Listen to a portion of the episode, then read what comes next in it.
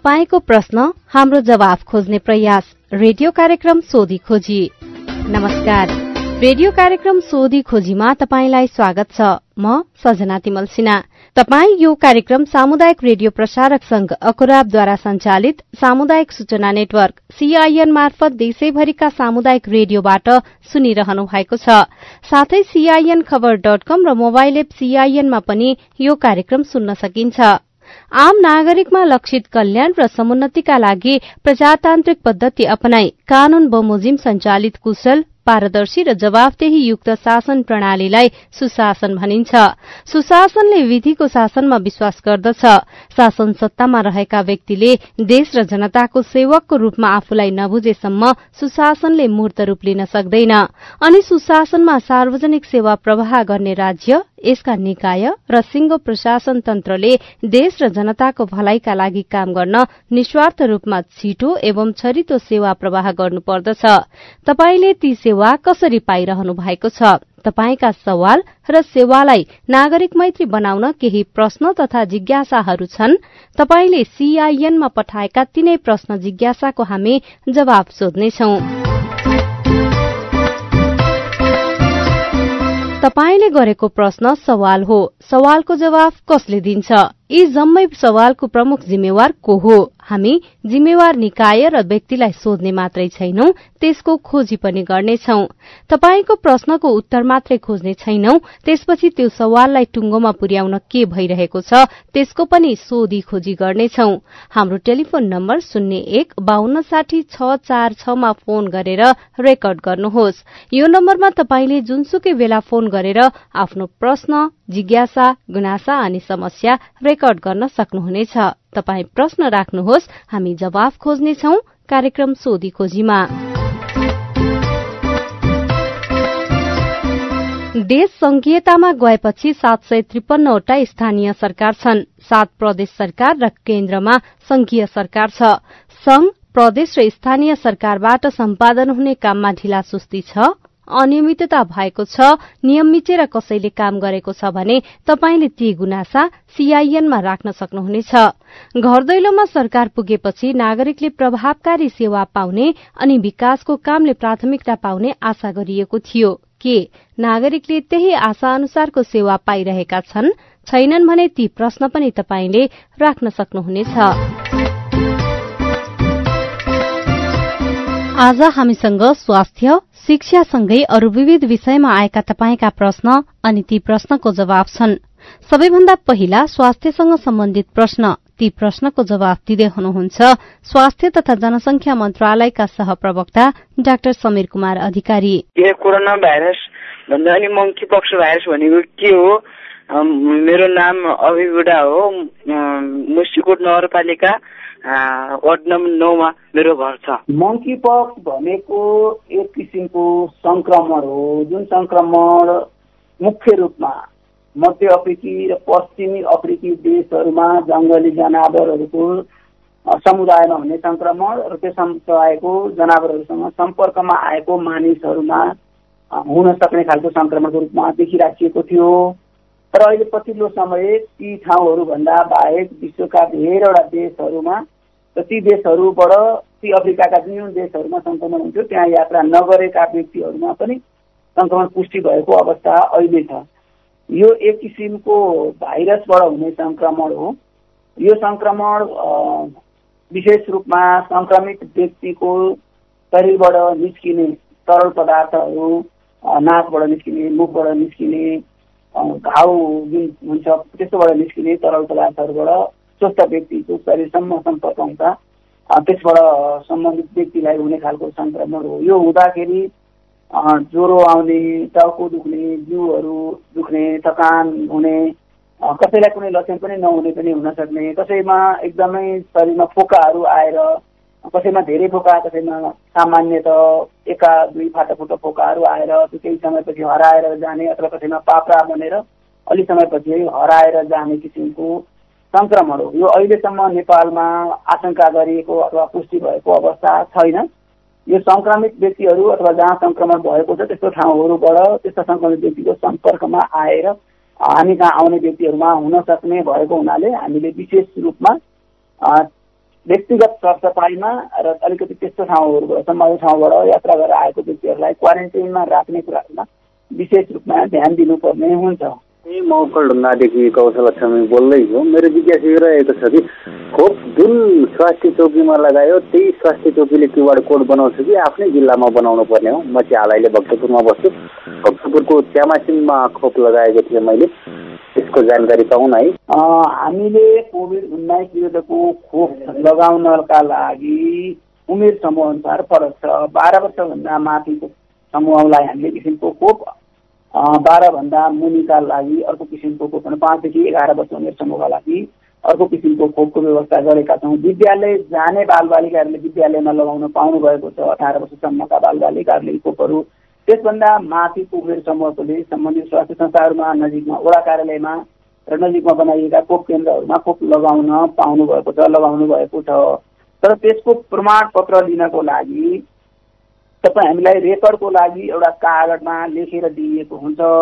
त्यो कार्डले नै सबै ठाउँमा काम गर्ने गरी आधिकारिक प्रमाणपत्र हुँदैन। त्यसका लागि हामीले स्वास्थ्य मन्त्रालयले सार्वजनिक गरिरहेको vaccine dot MOHP dot GOV dot NP भन्ने वेबसाइटमा गएर आफ्नो विवरणहरू भरेर कुन ठाउँबाट लगाएको कुन खोप लगाएको कहिले लगाएको यावत विवरणहरू सहित पहिले खोप लगाएको ठाउँबाट दिएको जुन कार्ड रेकर्ड छ त्यो कार्डको स्क्यान हाम्रो आफ्नो फोटो त्यसमा अपलोड गरेपछि आफूले त्यो फर्म भर्दा आफ्नो जुन स्थानीय तहमा खोप लगाएको भनेर उल्लेख गरिएको छ। सम्बन्धित स्थानीय तहबाट सबै विवरण भिडान गरेर सिस्टममा यो सही छ भनिसकेपछि तपाईँ हामीले घरमै बसेर क्युआर कोड सहितको उक्त प्रमाणपत्र डाउनलोड गर्न सक्छौँ। यसका लागि हामी कहीँ प्रमाणपत्र बनाउन गइराख्नु पर्दैन। कहिले काहीँ हामीले त्यसरी अनलाइन फर्म भर्नलाई समस्या भयो अथवा हामीले फर्म भइसकेपछि समयमा खोप आएन भने जानकारी लिन हामीले एघार पन्ध्र नम्बर हटलाइन एक एक एक पाँचमा फोन गर्न सक्छौँ अथवा आफ्नो स्थानीय तह आफ्नो जहाँ ठाउँमा हामी बसेका छौँ अथवा जहाँबाट हामीले खोप लगाएका छौँ त्यो स्थानीय तहमा सम्पर्क गर्न सक्छौँ। हाम्रो खोप लगाएको त्यो विवरण अनलाइन नै प्राप्त हुन्छ त्यसमा खोप छाप लगाउनु पर्ने सही गर्नुपर्ने त्यस्तो केही पनि हुँदैन। सर मेरो नाम केशव पौडेल हो। म जलजला गाउँपालिका वडा नम्बर आठ जनकल्याण माध्यमिक विद्यालयको शिक्षक हो। मेरो विद्यालयमा बाह्र वर्षसम्मका विद्यालय विद्यार्थीहरूले पनि खोप लगाइराखेका छन् र बाह्र वर्षभन्दा माथिकाले पनि पहिला लगाइसके तर त्यो बाह्र वर्ष उमेर हालसम्म कटिसकेका विद्यार्थीहरूले खोप खोप लगाउन पाएका छैनन् तसर्थ ती विद्यार्थीहरूले कसरी खोप लगाउने होला? यस्तो हो हामीले लगाउने खोप बाह्र वर्ष उमेर समूहभन्दा माथिको लागि उमेर समूहका लागि एक किसिमको खोप बाह्र वर्ष मुनि पाँच वर्ष माथिको त्यो बिचको उमेर समूहको लागि अर्को किसिमको खोप उपबन्ध छ। एउटै खोप दुई उमेर समूहलाई लाउन मिल्ने खालको हुँदैन। यस्तोमा जो बाह्र वर्षभन्दा माथिको हुनुहुन्छ अहिले भने उहाँहरूलाई हामीले चाहिँ स्थानीय तहमा खोपको व्यवस्था भएको हुन्छ। त्यहाँ संयोजन गरेर विद्यालयमा जुन समयसम्म बाह्र वर्ष पुग्नु भएको थियो त्यतिखेरसम्मकोलाई लगाइसकियो जो बाह्र वर्षभन्दा मुनि मुनि हुनुहुन्थ्यो अहिले बाह्र वर्ष कट्नुभयो उहाँ एघारको समूह एघारभन्दा मुनिको समूहमा पनि पर्नु भएन। बाह्र वर्षभन्दा माथिको उमेर समूहमा पनि पहिले लगाउन छुट्नुभयो भन्ने त्यस्तो खालको समूहको लागि चाहिँ कतिजना हुनुहुन्छ कहाँ छुट्नु भएको कुन विद्यालय कहाँबाट हो भन्ने कुराहरूको विवरण हामीले राखेर सम्बन्धित स्थानीय तहको आफ्नो नजिकमा रहेको वडा कार्यालयहरूमा समन्वय गऱ्यौँ भने उहाँहरूले सम्बन्धित जिल्ला स्वास्थ्य कार्यालयहरूसँग समन्वय गरेर त्यसरी छुटेको व्यक्तिहरूलाई थप खोपको व्यवस्था गरेर खोप लगाउने प्रबन्ध गर्नुहुन्छ। पाँच वर्षदेखि बाह्र वर्ष मुनिका बालबालिकाको लागि कोरोना खोप छुट्याइएको थियो। पहिलो चरणको खोप लगाए तर दोस्रो मात्रा छुटेकाहरूको लागि के व्यवस्था छ? त्यसरी खोप लगाउन छुटेकोहरूको हकमा पहिलो मात्रै छुटेको छ भने पनि हामीले आफ्नो जहाँ बसोबास गरेका छौँ त्यहाँ नजिकमा रहेको स्थानीय तहसँग संयोजन गर्नुभयो सम्पर्कमा आउनुभयो भने त्यहाँ कहिले खोप उपलब्ध हुन्छ त्यस अनुसार लगाउन पाइन्छ। त्यस्तै कुरा समयावधि भएको पूर्ण मात्रा लगाउन समयावधि भएको व्यक्तिले पनि त्यसै अनुसार खोप लगाउन पाउनुहुन्छ। खोज र खोपको अभियान निरन्तर चलिराखेको पनि छ। तर कहिलेकाहीँ त्यसरी खोज्दै जाँदा पनि नभेटिने हामी काममा लाग्ने कहीँ जाने र स्वास्थ्य कर्मी खोज्दै जाँदा स्वास्थ्य कर्मीहरूले नभेट्ने अवस्था हुन पनि सक्छ। त्यस्तो अवस्थामा हामीले त्यहाँ स्थानीय तहमा रहेका स्वास्थ्यका कर्मचारीहरूसँग स्थानीय तहमा रहेका स्वास्थ्य संस्थाहरूसँग सम्पर्कमा आयौँ भने हामीले खोप लगाउन बाँकी रहेको छ। पहिलो मात्रा भने पनि लगाउने प्रबन्ध हुन्छ। पूर्ण मात्रा खोप लगाउने समयावधि भएको छ अथवा बुस्टर मात्रा समयावधि भएको छ लगाउने भने पनि खोप लगाउने प्रबन्ध हुन्छ। बच्चाहरूको दोस्रो मात्राको सन्दर्भमा हामीले यसको अभियान तालिका नै बनाएर लगाइरहेका छौँ। पहिलो मात्रा लगाएको यो समयमा लगाउने दोस्रो मात्रा समयमा लगाउने भनेकै छौँ। अहिले पछिल्लो अभियानका क्रममा पहिलो मात्रा लगाएकोहरूको दोस्रो मात्रा लगाउने समयावधि आउँदैछ। हामीले त्यसै अनुसार लगाउने प्रबन्ध गर्छौँ। पहिलो चरणको जुन हामीले सत्ताइसवटा जिल्लामा सुरुवात गरेको अभियानमा पहिलो मात्रा लगाएको तर दोस्रो मात्रा लगाउन छुट्नु भएको अथवा पहिलो मात्रा नै लगाउन छुट्नु भएको कोही बाल बालिकाहरू हुनुहुन्छ भने उहाँहरूले आफू अध्ययन गरिरहेको विद्यालयमा सम्पर्क गरेर त्यहाँ जानकारी गराएर सम्बन्धित विद्यालयबाट स्थानीय तहहरूसँग संयोजन भएर खोप लगाउने प्रबन्ध हुन्छ। नमस्कार म मकनपुर जिल्ला हेटौँडा पाँच पिप्लेबाट कृष्ण प्रसाद तिमल सिन्हा अहिलेको हाल स्थिति हेर्दाखेरि कोरोना भाइरस एकदमै बढिरहेको अवस्था छ र अहिले पनि पहिलाको भन्दा पनि धेरै खुलियाममा मास्क नलाइकन हिँड्ने अनि अङ्गमाल गर्ने मास्क नलाइकन हिँड्ने नियमको पालना नगर्ने जस्ता विकृतिहरू हामीले कोभिड उन्नाइसको सङ्क्रमण रोकथाम नियन्त्रण गर्नु सबैभन्दा बढी प्रभावकारी उपायको रूपमा देखेका छौँ भोगेका छौँ र अर्को खोप लगाएर कोभिड उन्नाइसको सङ्क्रमणको जटिलता रोक्न सक्ने कुराहरू पनि हामीले बोलिसकेका छौँ। यस्तो हुँदा हामी सबै संवेदनशील भएर समयमै लगाउनु पर्ने खोपहरू। पुरा मात्रा पहिलो मात्रा पुरा मात्रा बुस्टर मात्रा जुन जुन उमेर समूहले जहिले लगाउनुपर्छ त्यस अनुसार समयमै लगाउनु गर्नुपर्ने हुन्छ। त्यसभन्दा बाहेक सङ्क्रमण रोकथाम नियन्त्रण गर्नका लागि कोभिड उन्नाइसको मात्रै होइन अरू किसिमका यस्तै किसिमका सङ्क्रमणहरू र अरू सङ्क्रामक रोगहरूबाट बच्न बचाउन हामीले मान्छेबाटै सङ्क्रमण हुन सक्ने कुराहरूलाई मध्यनजर गरेर अलिक बढी संवेदनशील हुनुपर्ने अलिक भोजपुरी कायम गर्ने मास्कको प्रयोगहरू गर्ने हातको सरसफाइमा ख्याल गर्ने यी कुराहरू चाहिँ हामीले विशेष रूपमा ख्याल गर्नुपर्ने हुन्छ अलिकति संवेदनशील हुनुपर्ने हुन्छ।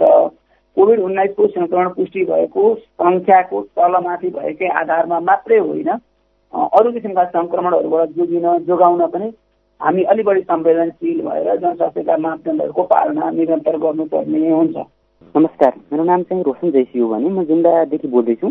विश्वव्यापी महामारी कोरोना भाइरस विरुद्धको खोप पहिलो मात्रा लगाएका र दोस्रो मात्रा र पुस्टर मात्रा बाँकी रहेकालाई पनि कि जुम्ला जस्तो विकट क्षेत्रमा कोरोना पुग्नुभन्दा पहिला खोप लगाइन्छ त? यदि लगाइन्छ भने कहाँ र कहिले लगाइन्छ त? त्यसको जवाफ पाए आभारी हुने थिए।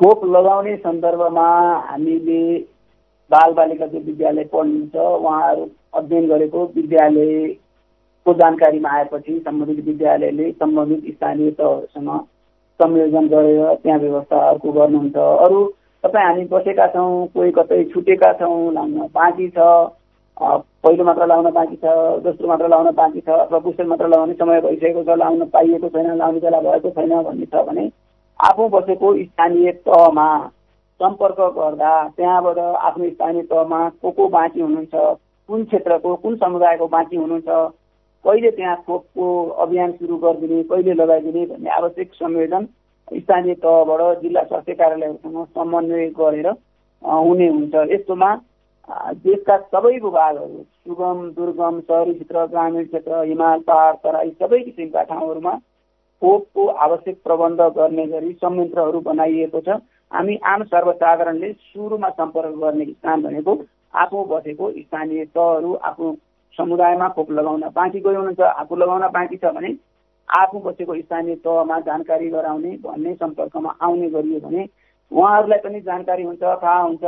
नभए त्यहाँ खोप लगाइसक्यो सबैले लगाउन बाँकी सबैले पुरा मात्रा गरिसक्नुभयो बुस्टर मात्रा पनि गरिसक्नुभयो भन्ने विवरणहरू उहाँहरूले माथि पनि त्यसअनुसार प्रतिवेदन गर्दै जानुहुन्छ र त्यहाँ खोप नपुग्ने अवस्था हुनसक्छ यस्तोमा हामीले समयमै अलिकति समुदायबाटै त्यसरी स्थानीय तहहरूमा अलिकति जागरुक भएर भन्ने संयोजन गर्ने यद्यपि स्थानीय तहहरूबाट पनि समुदाय समुदायको खोजी गर्दै खोप लगाउने संयोजन गर्ने कामहरू भइरहेको हुन्छ भइरहेको छ। तर पनि हामी पनि जागरुक भएर त्यसरी कुराकानी गऱ्यौँ भने सबै ठाउँमा समयमै सबैले खोप लगाउन पाउने र सुरक्षित हुने अवस्था सिर्जना हुन्छ। उहाँ हुनुहुन्थ्यो स्वास्थ्य तथा जनसंख्या मन्त्रालयका सहप्रवक्ता डाक्टर समीर कुमार अधिकारी। स्वास्थ्यसँग सम्बन्धित प्रश्नको जवाफ दिँदै तपाई अहिले कार्यक्रम सोधी खोजी सुनिरहनु भएको छ। यो कार्यक्रम सामुदायिक रेडियो प्रसारक संघ अखुराबद्वारा संचालित सामुदायिक सूचना नेटवर्क सीआईएन मार्फत देशैभरिका सामुदायिक रेडियोसँगै सीआईएन खबर डट कम र मोबाइल एप सीआईएनमा पनि सुन्न सकिन्छ। कार्यक्रममा हामी तपाईँको प्रश्न लिन्छौं अनि ती प्रश्नको जवाब सम्बन्धित निकायलाई सोध्छौं। तपाई पनि कार्यक्रममा सहभागी हुन सक्नुहुनेछ। त्यसको लागि तपाईँले शून्य एक बान्न साठी छ चार छमा फोन गरेर आफ्नो प्रश्न जिज्ञासा गुनासा अनि समस्या रेकर्ड गर्न सक्नुहुनेछ।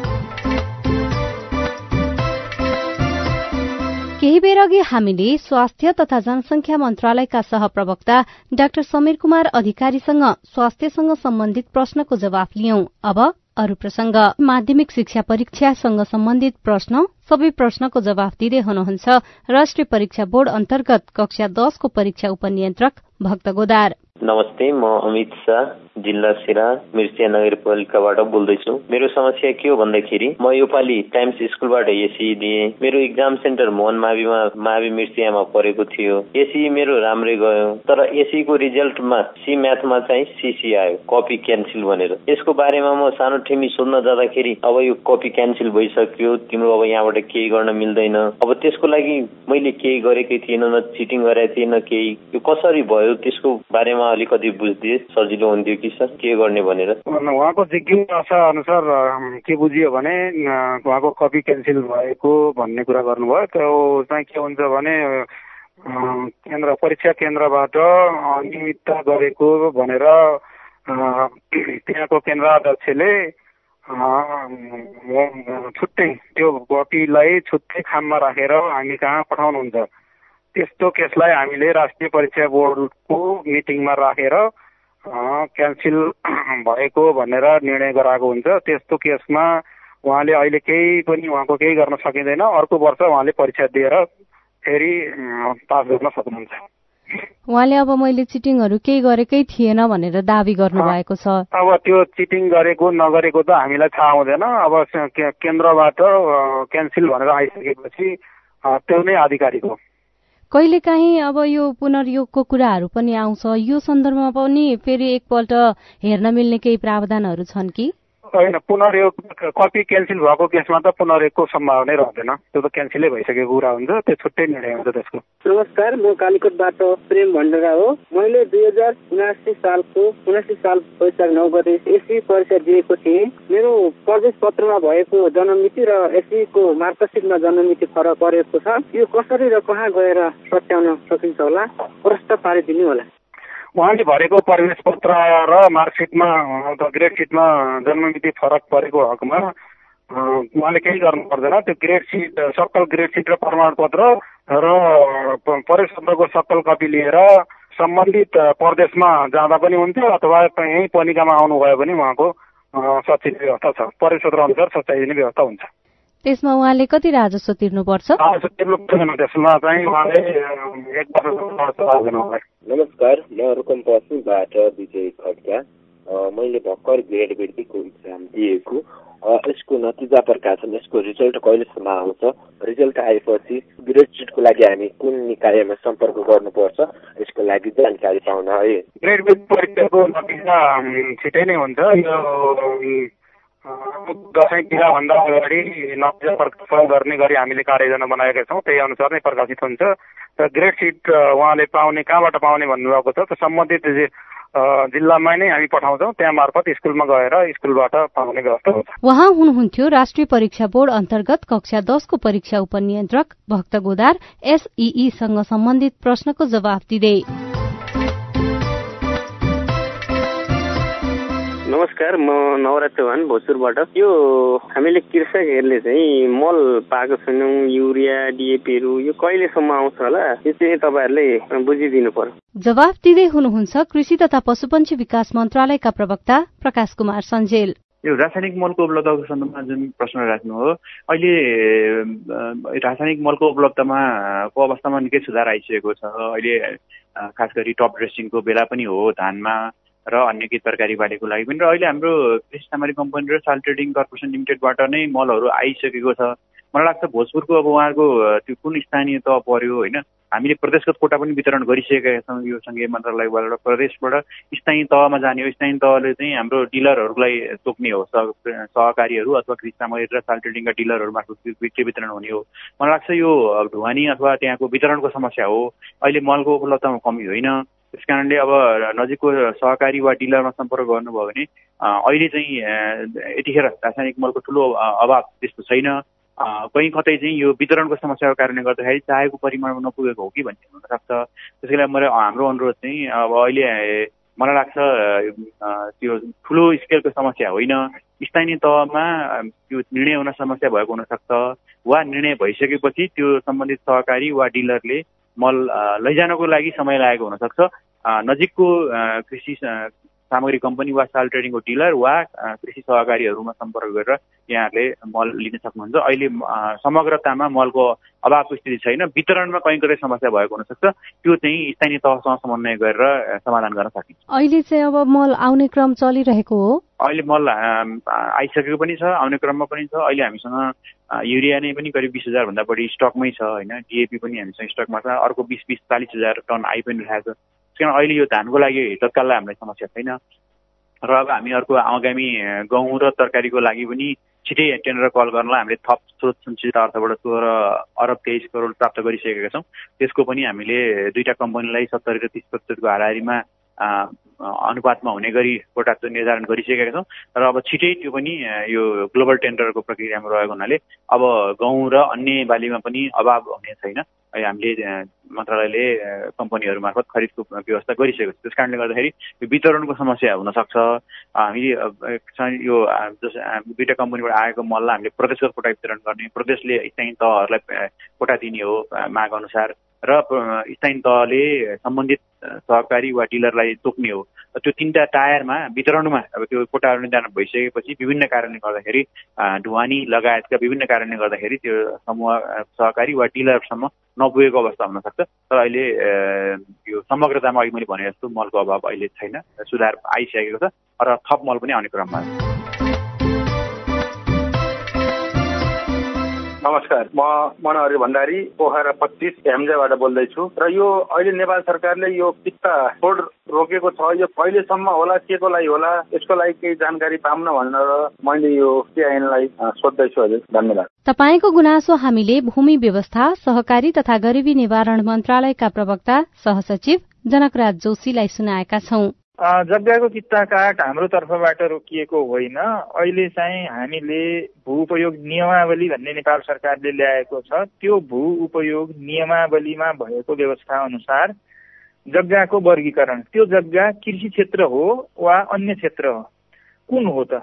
त्यो यदि वर्गीकरण भयो त्यसको क्षेत्र निर्धारण भएर आयो भने हामीले किता काट गरिरहेछौँ अहिले पनि गरिरहेछौँ रोकिएको छैन। तर जुन स्थानीय तहले किनभने यो जग्गाको किसिम निर्धारण गर्ने अथवा यो वर्गीकरण गर्ने अधिकार भू उपयोग ऐन र भू उपयोग नियमावलीले अहिले स्थानीय तहलाई दिएको छ। त्यसैले स्थानीय तहमा रहेको भू उपयोग परिषद भन्ने एउटा निकाय छ त्यो निकायले सिफारिस गरेर पठाइदियो भने आजै कित्ताकाट हुन्छ। त्यस्तो रोकिएको अथवा हामीले रोकेको कुनै दिनबाट रोकेको र कुनै दिन खोल्ने भन्ने त्यस्तो छैन। त्यसैले अब प्रश्न के हो भने स्थानीय निकाय अथवा स्थानीय तह जुन हाम्रो नगरपालिका अथवा गाउँपालिकाको कार्यपालिकाले भू उपयोग परिषदको रूपमा पनि काम गर्छ। त्यो भू उपयोग परिषदले जुन दिन यो जग्गा कृषि क्षेत्र हो या कृषि क्षेत्र होइन भन्ने निर्णय गरेर सिफारिस गरेर पठाइदिन्छ भने त्यही दिन त्यही बेला हाम्रोबाट कित्ता काट हुन्छ। तपाईँले नियमावलीमा टेकेर यस्तो भएको हो भनेर भनिरहँदा कतिपयले गुनासो गर्नुहुन्छ जस्तै मसित एक टुक्रो जमिन छ त्यो चाहिँ मैले किताकाट गरेर बेचेर मेरो घर खर्च चलाउनु पर्ने अथवा कसैलाई विदेश पठाउनु पर्ने अथवा पढाइ खर्च जुटाउनु पर्ने पनि हुन सक्छ किताकाट नहुँदाखेरि चाहिँ समस्या भयो भन्ने खालका गुनासाहरू पनि गर्नुहुन्छ। यसमा चाहिँ के भन्नुहुन्छ? एकदम यो विषय हाम्रो जानकारीमा छ हामीलाई पनि यो गुनासो आउँछ तर जुन अब ऐनले नियमावलीले जुन निकायलाई त्यो काम गर्ने अधिकार दिएको छ त्यो निकायको काम त्यो निकायको अधिकार हामीले चाहिँ हस्तक्षेप गरेर हामीले त्यत्तिकै किता काट गरिदिनु त अब नियमको विपरीत हुन्छ ऐनको विपरीत हुन्छ। त्यसैले ऐनले नियमले के भन्छ भने स्थानीय तहबाट त्यसको सिफारिस आएपछि मात्रै कुन क्षेत्र हो त्यसै क्षेत्र अनुसार किता काट्नु भनेपछि अब स्थानीय तहबाट सिफारिस नआइकन हामीले किता काट गर्न मिल्दै मिल्दैन। किनभने त्यो गर्नेलाई चाहिँ अब त्यो कानुनले विभिन्न किसिमका सजाय गरिदिया छ त्यसो भए हुनाले अबको त्यो प्रश्न त यहाँहरूले स्थानीय तहलाई सोध्नुपर्ने हुन्छ। अहिले अब यो अनियन्त्रित ढङ्गले अव्यवस्थित ढङ्गले कित्ता काट भइरहेको जमिनको दुरुपयोग भइरहेको खेतीयोग्य जग्गाहरू घट्दै गइरहेको र यसले गर्दा भविष्यमा खाद्य सुरक्षामाथि सङ्कट आउने यस्ता किसिमका विभिन्न भविष्यमा देखिने अप्ठ्याराहरूलाई ध्यानमा राखी नेपाल सरकारले भू उपयोग नियमावली ल्याएको छ। जस अनुसार स्थानीय तहमा रहेको भू उपयोग परिषदले सिफारिस गरिदिइसकेपछि कित्ताकाट हुन्छ। त्यसैले स्थानीय तहमा रहेको भू उपयोग परिषदले कुनै व्यक्तिको जग्गा कृषि जग्गा हो या अन्य जग्गा हो सिफारिस गरेर आइसकेपछि तत्काल किता काट हुन्छ। उहाँ हुनुहुन्थ्यो भूमि व्यवस्था सहकारी तथा गरिबी निवारण मन्त्रालयका प्रवक्ता सहसचिव जनकराज जोशी। यो सँगै हामी कार्यक्रमको अन्त्यतिर आइपुगेका छौं।